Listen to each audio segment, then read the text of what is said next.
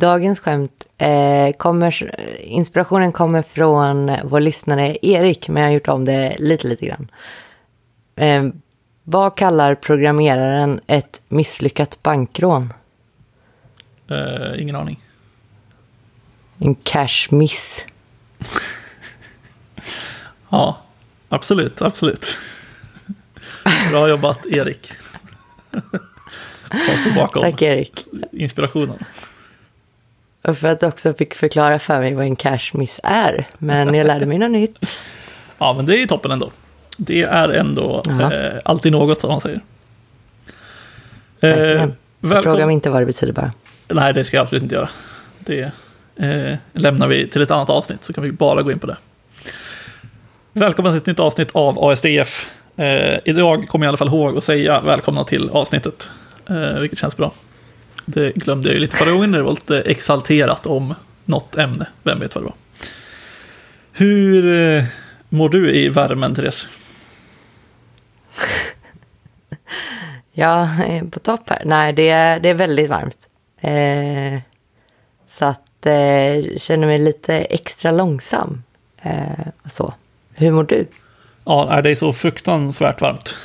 Det har ju varit ett lite återkommande inslag i det här, att när vi spelar in så brukar jag typ bygga någon liksom studio och hänga upp några lakan och grejer, men idag så gick det absolut inte att göra det, för det är så sinnessjukt varmt. Så att eh, nu sitter jag bara med lite kuddar runt omkring mig och lite allt möjligt. Så ljudkvaliteten kanske inte på topp, men det får man stå ut med eftersom att det är sommar och varmt.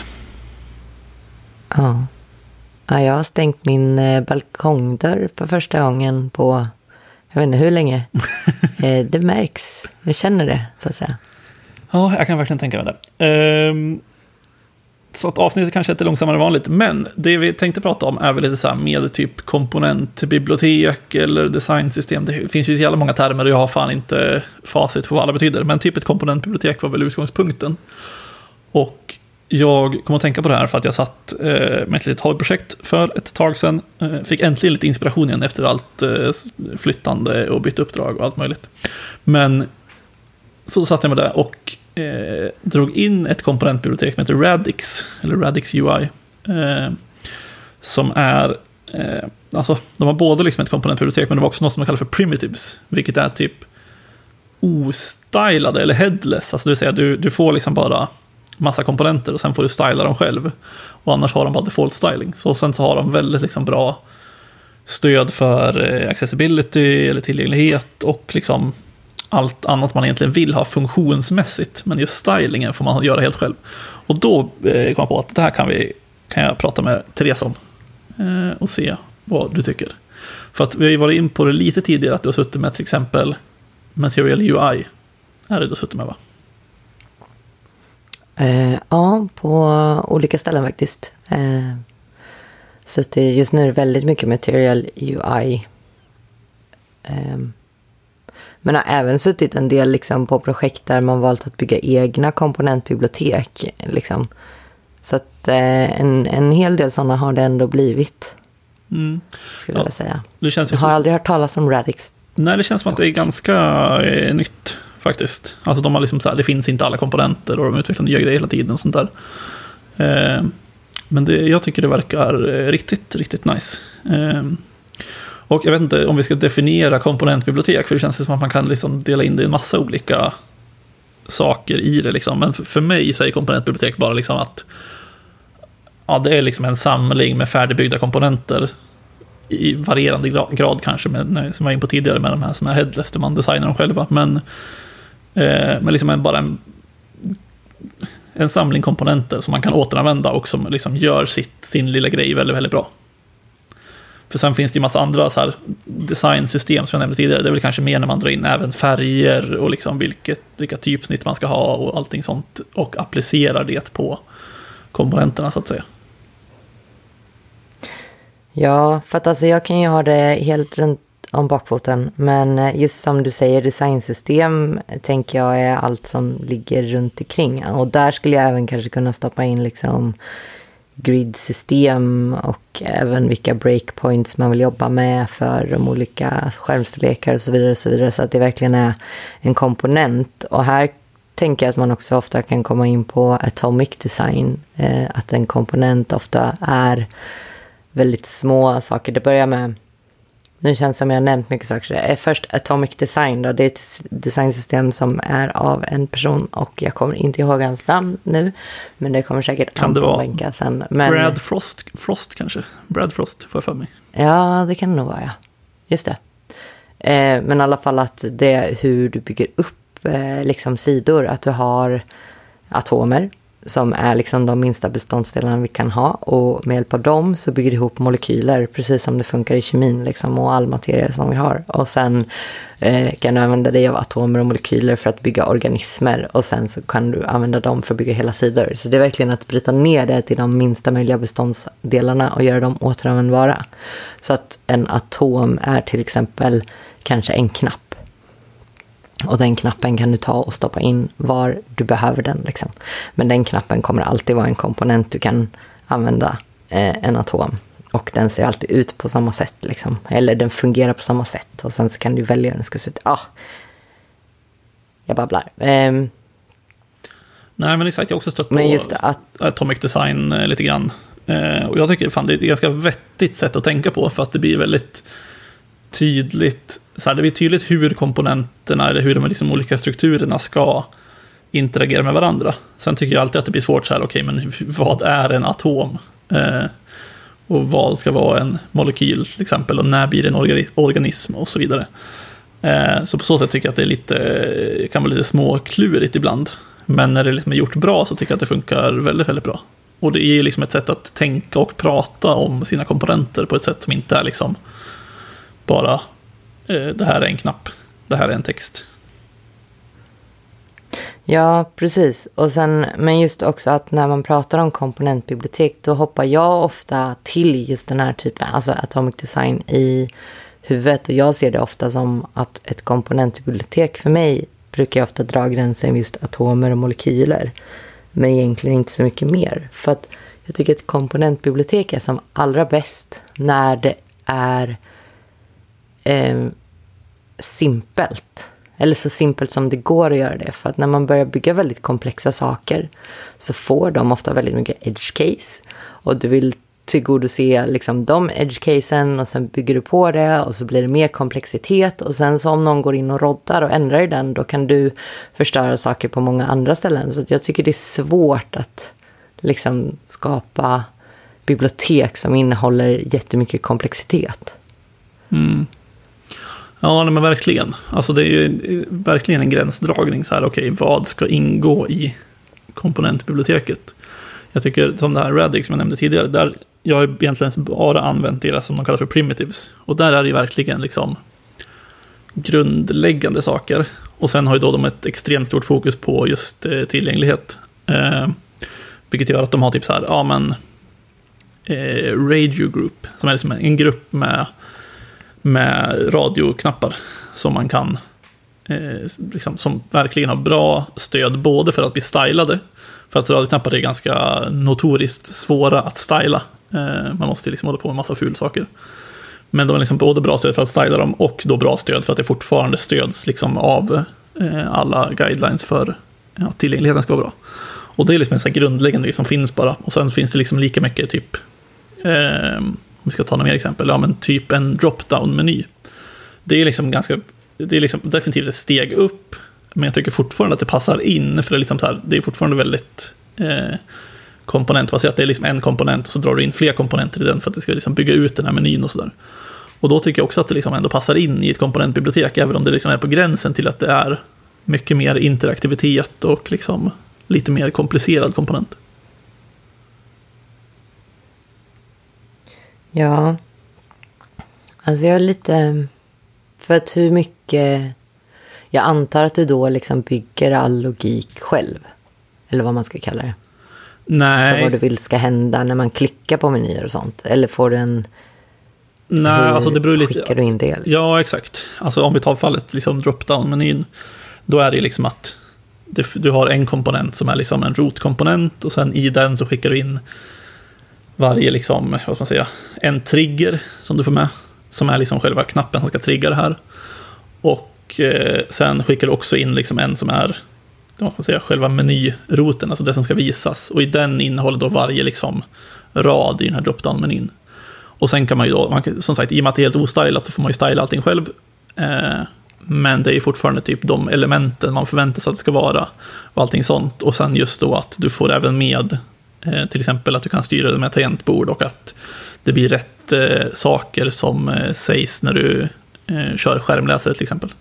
Så att allting sånt, liksom, all den logiken finns ju där. Sen såklart att vad som ska hända när du klickar på en specifikt val i menyn, det måste man ju eh, kanske styra själv.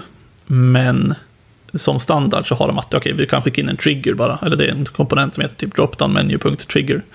Och den kommer då rendera en knapp för dig eh, som öppnar menyn. Sen kan man ju då såklart köra, för de här komponenterna är ju så här uncontrolled, som är alltså på samma sätt som du kan köra med formulär till exempel. Men du kan, lika, du kan också skicka in typ en sån här open state, eller open bool, liksom, som säger att okej, okay, nu vill jag styra om den här ska vara öppen eller stängd. Så att du kan göra lite som du vill, men som standard så skulle jag säga att de rekommenderar väl att man kör eh, liksom de uncontrolled, för att då blir det verkligen rätt med skärmläsare och allt annat sånt runt omkring. Mm. Men det är jäkligt nice att få med det här med accessibility, liksom bra accessibility, för det är så jäkla lätt att, att trampa bort från stigen i den djungeln. Liksom. Ja, verkligen. Och liksom, även om man bara säger, titta på den här liksom, radioknapparna, de är så här, ja det kanske är lite enklare, men sen ska man börja styla dem själva och så blir det liksom så här, man måste göra workarounds för att man inte kan styla radioknappar, bla bla. Och då blir det rätt liksom, men samtidigt också de här mer komplexa komponenterna som till exempel en dropdown. Att den bara så här, okej, okay, men jag vet att den här kommer funka om jag kör med tangentbord och mus, eller om jag kör, eller om jag kör med tangentbord, eller om jag kör med en skärmläsare, eller vad det nu kan vara. Så att eh, på så sätt är det ju sjukt skönt att använda det. Och sen älskar jag ju att det är helt ostylat. För att det känns också som en grej som har kommit mycket på sistone. Att förr var det väldigt mycket liksom att komponentbiblioteket kom med sin egen styling och sen fick man liksom skriva över den. Och så blev det ofta så lite konflikter och man bara, åh nej, nu har det blivit så här här och liksom inte, vet inte vart jag är riktigt. Medans nu för tiden tror jag att fler och fler erbjuder liksom att ja, men, det är headless, alltså det vill säga att du har inget utseende som bandlas med dem. Liksom. Ja, nej men jag kan tänka mig att det är väldigt nice att man får styla det själv. För jag kommer ihåg det liksom när man då kollar, det är ju inte komponenter kanske, men det var ju CSS som Bootstrap. Liksom när det kom. Eh, så ett tag så såg, ju, eh, såg man ju verkligen att ah, men det här är en Bootstrap app. Den har dragit in Bootstrap JSS, eller vad säger jag, CSSen för att alla såg exakt likadana ut. För att du kunde inte välja så mycket. Du kunde välja typ färg, men utseendena liksom var fortfarande de samma. Ja, nej, men exakt. Det tänker jag att man vill bort ifrån. Liksom. Men däremot så känns det som att man fastnar ändå lite för den grejen just om man kör ja, men som Material UI. För att det finns ju såklart möjlighet att styla om det, men den är ju väldigt ändå... Alltså det, det ser ju ut på ett visst sätt ändå, liksom. Speciellt om man inte stylar om det på vägen så, så, så har den ju verkligen ja, en stil som man känner igen om man har suttit med det ett tag. Eller så har jag bara suttit alldeles för mycket med det, jag vet inte.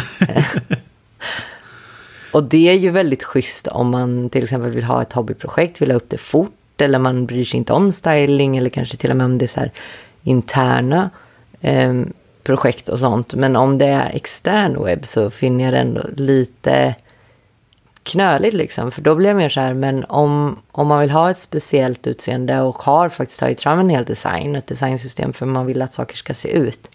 Då känns det så himla svårt att ta in liksom existerande eh, saker som material UI och sen verkligen lägga tid på att forma om dem. Då tänker jag att det är bättre att göra det från början. Nu har jag inte varit i en sån här situation, men, men jag skulle gärna inte vilja hamna i en sån heller tror jag. Ja, nej men precis. Nej, men för du var in på det lite grann, men det, det, var ju en period när det kändes som att alla nya hemsidor som gjordes såg ut som Bootstrap. Eh, och det var verkligen så här, ja men det är standardutseende från Bootstrap. Och sen lade till, ja nu kan man ändra lite färger och så var det folk som gjorde det och bla bla bla. Men, men eh, jag håller verkligen med dig om att det användningsområdet finns ju fortfarande kvar när man verkligen så här, ja men det är en intern grej, vi bryr oss inte hur det ser ut. Eller det är ett litet hobbyprojekt, jag vill, eh, jag vill inte inte håller på att styla, utan jag vill kanske testa bygga en backend och då vill jag bara slänga upp en snabb frontend eller vad det nu kan vara. Och då finns det ju liksom definitivt eh, fortfarande nytta av de här liksom färdigstylade biblioteken. Mm. Absolut. Eller alltså också kanske att det här är ett jättestort komplext system som har mycket mer fokus på funktion än på utseende. Liksom. Mm. Ja, nej, men exakt. Och då vet men man det... ju också att man får liksom... Du får ju saker som ändå är lite så här... Som är vältestade helt enkelt. Alltså i och med att så många använder dem. Och då kan man också vara säker på att okej, okay, vi kommer inte få några konstiga liksom, visuella buggar om vi kör det här rakt upp och ner. Liksom. Nej. Men ibland så blir jag ändå så här lite fundersam på, eller fundersam på, men jag tycker ibland att det känns så blotat eller vad man ska kalla det, eller stort när man drar in en hyfsat liten komponent, kanske till och med hyfsat simpel komponent, men som man vet i bakgrunden är enorm för att kunna täcka alla specialfall och alla extra lösningar och du kan skicka in, alltså du har ett enormt API för att skicka in olika proppar om man, om man snackar liksom React-komponenter för att du ska kunna tillgodose alla möjliga scenarion eftersom du är ett publikt liksom, komponentbibliotek. Och då blir det så här, vad, när blir det snarare svårare att jobba med beroende på vad du har för liksom, egen eh, vad, vad, du vill uppfylla med dina komponenter på det du bygger. Liksom. Var, var tänker man att den gränsen är? Finns det en gräns där det blir jobbigare? Ja, nej, det är ju definitivt en bra fråga för att det känns ju verkligen lite samma sak som, alltså, det handlar ju oavsett om vad man bygger nästan, att så här, man bara bygger på saker och bygger på saker och bygger på saker och till slut så här, så här oj, nu är det ingen som har tänkt på liksom helheten här, att det blir supersvårt att använda. Jag vet, det var något eh, bibliotek jag använde som heter typ AG Grid, tror jag. Eh, och alltså liksom API-ytan på den var så oerhört stor. Alltså det var liksom verkligen en komponent som hette AG Grid som man drog in för alla möjliga användningsområden som fanns. Alltså det spelar ingen roll vad för typ av liksom tabell eller liksom något sånt skulle För det var typ, alltså det var verkligen typ Excel i webbläsaren. Eh, och du kunde liksom använda den för allt. Eh, och det, alltså det fanns kanske hur många proppar som helst. De flesta proppar var så här att du skickade in liksom ett options-objekt som var hur stort som helst. Alltså äh, det var så sjukt mycket grejer. Och där kände jag liksom att ja, men där har man ju typ misslyckats lite grann, för det måste ju vara vettigare att liksom bryta ut det. Okej, men vi har separata komponenter för vissa saker som gör vissa grejer väldigt, väldigt bra, men där man inte behöver liksom fundera på, okej, behöver jag använda en av de här 150 propparna nu bara för att göra den här grejen jag vill? Och vilka proppar är kompatibla med varann och allting sånt. Så att, nej, det måste ju verkligen vara att man får hålla tillbaka om man gör något liksom externt, som är liksom publikt, kanske man ska säga som ska användas av många. För att det väl gäller liksom att okay, den här komponenten ska bara göra det här. Om det kommer en person och vill ha ett till use case så kanske de kan bygga det själva. Alltså det gäller liksom att man vänder på kontrollen av komponenten. Alltså det finns ju många sådana sätt. Vi kommer inte ihåg om vi pratade om det tidigare, men det finns ju typ så här render props eller hooks nu för tiden, eller eh, higher order components förut till exempel. Som gör att du kan liksom ge användaren av komponenten mer kontroll över vad den gör. Eh, utan att på det, för det viset liksom lägga till en till propp som gör det du ska göra. Liksom. Så att nej, jag, jag, tror också att, eh, precis som du säger, att till slut så blir det kanske lite mer för svåranvänt för att det kanske ska vara värt det. Eh, men det beror ju såklart också då på kvaliteten på komponenterna. Ja, men just också ibland att vad, hur mycket kod drar du in egentligen för att göra en liten sak om du inte tar tillvara på alla de här superkomplexa sakerna dessutom. Liksom. Ja, nej, men verkligen. Det är ju definitivt en ganska svår avvägning, tror jag. Nu har inte jag suttit och gjort det här själv någon ja. gång, men, men det känns ändå som att det är en väldigt svår avvägning. Och särskilt, jag tror att det kanske är ännu svårare avvägning om man sitter internt på ett bolag. Alltså om du sitter på ett större bolag så ska du utveckla deras liksom, komponentbibliotek. Och så kommer det massa folk från olika liksom, ställen och vill använda det här och ha lite olika krav på alla. Och då blir det helt plötsligt liksom så här, då är det inte någon random på internet som säger åt dig att göra det här. Utan då är det istället, okej, okay, det är någon i bolaget som har ett krav som behöver det här. Och det kommer liksom ge oss värde, men hur ska vi hantera det här liksom?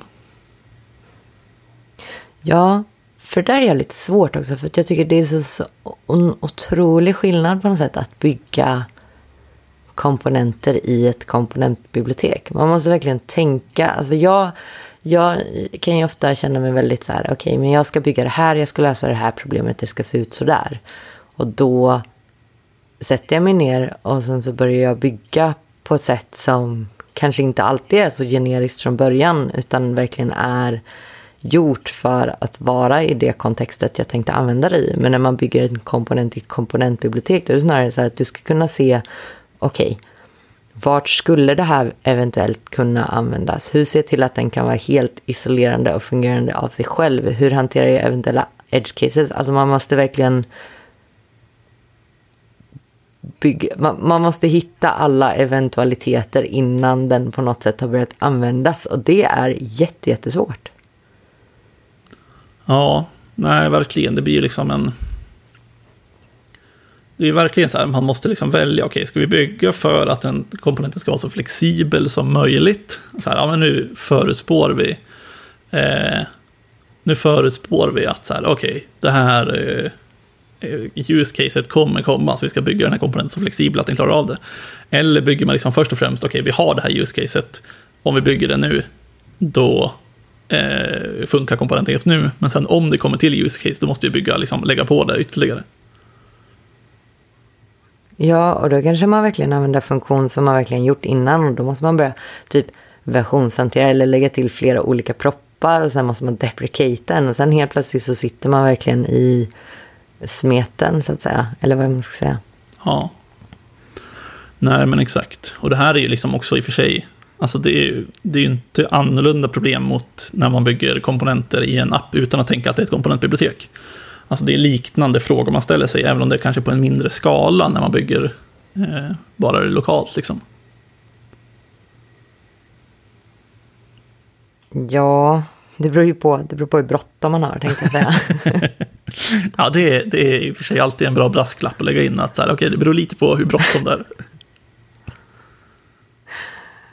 Men eh, ja, för ibland så kanske man, eller kanske man och man, men ibland, jag kanske till exempel bara bygger någonting som jag vet är extremt till, eh, vad heter det, skräddarsytt till just den situationen som jag bygger det till. Så till exempel att stylingen kanske har massa extra, om vi nu ska säga att man har styling också, kanske har en massa extra white spaces som man absolut inte vill ha om det skulle vara en generisk komponent för det kommer paja massa andra grejer och man kanske inte gör det superflexibelt, det kanske inte är att bara lyfta ur den komponenten ibland. Alltså det, det finns ju ganska många sådana genvägar som jag tar, speciellt när jag har bråttom, som man absolut inte kan göra i ett komponentbibliotek. Liksom. Så det är därför jag känner att det blir jag är kanske sån som kodar före och tänker sen. Men i ett komponentbibliotek så måste man verkligen tänka först. Liksom. Ja. Nej, men absolut. Nej, men så är det ju verkligen. Det har du helt rätt i. Ehm, det är nog eh, relativt stora skillnader ändå. Även om man kanske tänker i samma banor när man har tid. Men jag tänker också, eh, liksom ur liksom ett användarperspektiv, så tycker jag också att det är så här extremt skönt när det är så tydliga komponenter. För jag har varit med några gånger där man så här, ja men vissa komponenter i ett bibliotek som man eh, tar upp och så vet man inte riktigt vilken man ska använda till vad. Eh, utan det är så här, de har ungefär samma use case. Eh, men men de har liksom splittat på dem, på det som vi, som vi var inne på tidigare. Att det kanske har varit liksom en komponent från början, så har de splittat på dem för att ja, men nu ska den användas på lite olika sätt. Men att de är liksom nästan lite för nära varandra. Och då blir det istället åt andra hållet, att jag försöker använda den här, bara okej, okay, vilken ska jag använda? Det var någon gång, jag kommer inte ihåg om det var något bibliotek eller om det bara var någon, liksom, nej, jag kommer inte riktigt ihåg om det var någon bara fristående komponent som någon har släppt. Men det jag liksom skulle använda en och så fanns det två och så började jag bygga med den ena för det såg rätt ut. Och så kom man halvvägs och bara, nej men nu funkar inte det längre. Så bara googlade man lite grann. Så bara, ja men använd den andra.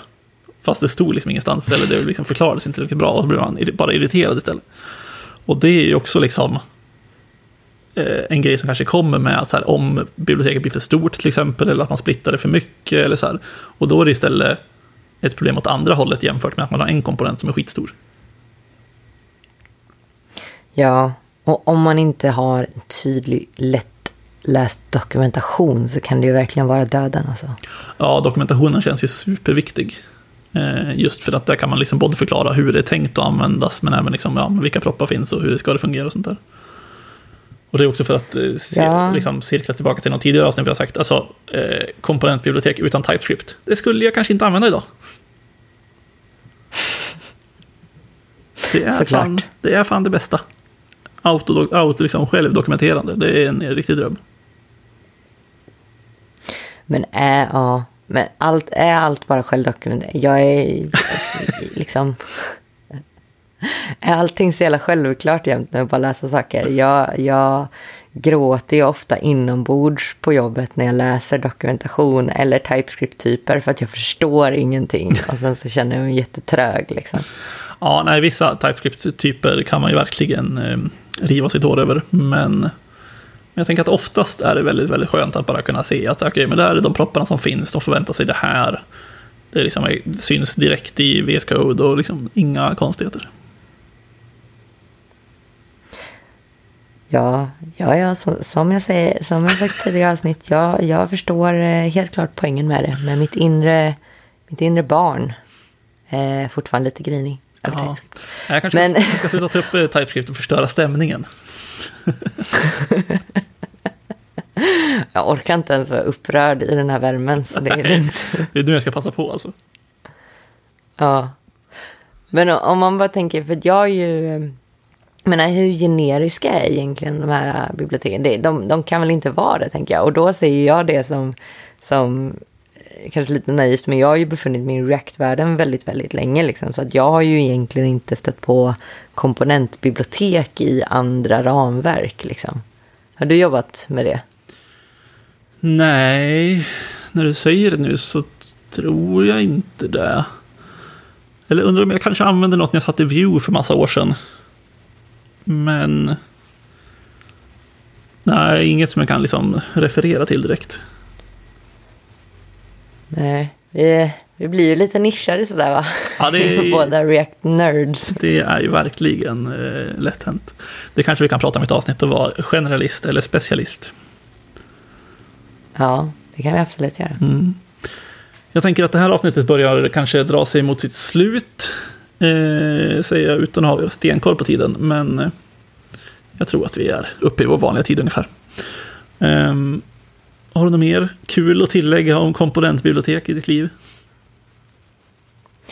Nej, jag tänker att vi kan bara avsluta på att vi eh, vet ingenting om det utanför React-världen och så får vi återkomma helt enkelt. Om någon har eh, jämförelser så är det superintressant. Alltså om man har liksom upplevt att och det är superstora skillnader mellan Vue och Reacts komponentbibliotek. Eller eh, ännu liksom längre ifrån varandra, även om inte Vue och React, utan React och jag vet inte, POP. Ehm, så att eh, skicka gärna in något till oss och berätta hur, hur mycket som skiljer sig. Och med det sagt så tackar vi för den här gången och hoppas att ni inte har det lika varmt som oss. Eh, vi finns som vanligt på Twitter, länkarna ligger i beskrivningen. Och eh, med det så säger vi hej då för den här gången. Hej då. Bye bye.